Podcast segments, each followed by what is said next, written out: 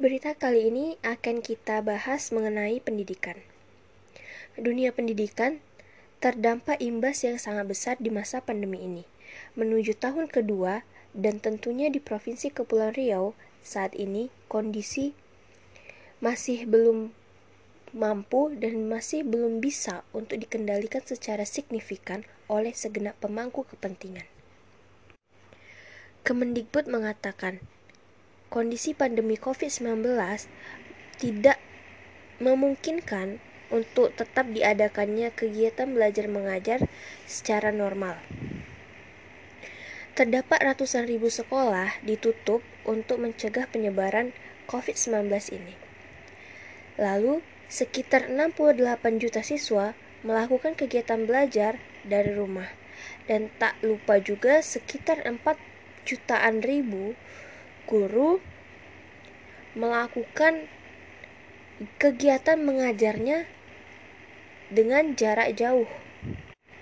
Di masa pandemi ini, hampir menginjak dua tahun dari awal libur dua minggu, telah membuat semua murid, orang tua, risau dengan bertanya-tanya kapan sih bisa masuk sekolah seperti biasanya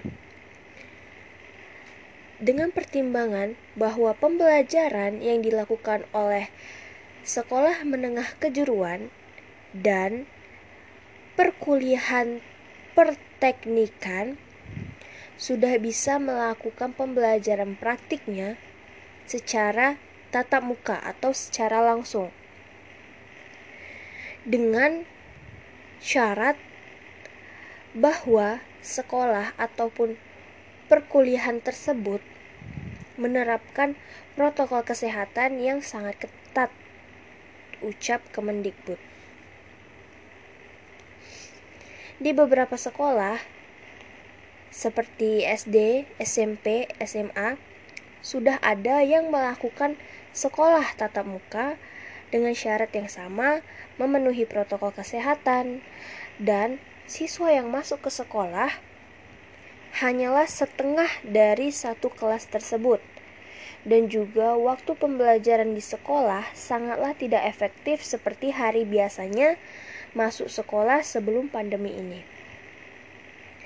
Karena di beberapa sekolah yang sudah melakukan pemberlakuan sekolah tatap muka, kita bisa lihat hanya dilakukan seminggu dua hingga tiga kali pertemuan saja. Lalu, dilihat dari beberapa bulan selama pandemi ini, banyak murid yang dikeluarkan oleh sekolah karena diketahui hamil di luar nikah. Sekolah dirumahkan bukan berarti murid lepas tanggung jawab dan juga lepas aturan yang telah ditetapkan oleh sekolah tersebut. Begitupun saat ini guru dituntut untuk berpikir kreatif dan inovatif, memberikan pelajaran serama daring dan memberikan uh, memberikan cara atau memberikan penyampaian yang jelas sehingga anak didik muridnya ini tidak terasa bosan atau tidak ada niatan untuk keluar dari pertemuan selama daring.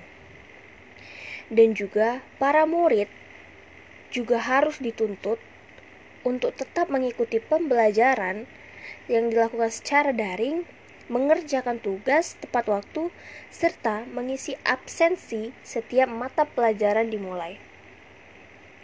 Dan untuk orang tua harus mengetahui aktivitas anaknya di dalam rumah serta memberitahukan atau memberi masukan atau nasihat kepada sang anak agar mengerti bahwa pandemi ini belum usai. Dan pandemi ini harus kita lawan bersama-sama agar hidup normal kembali.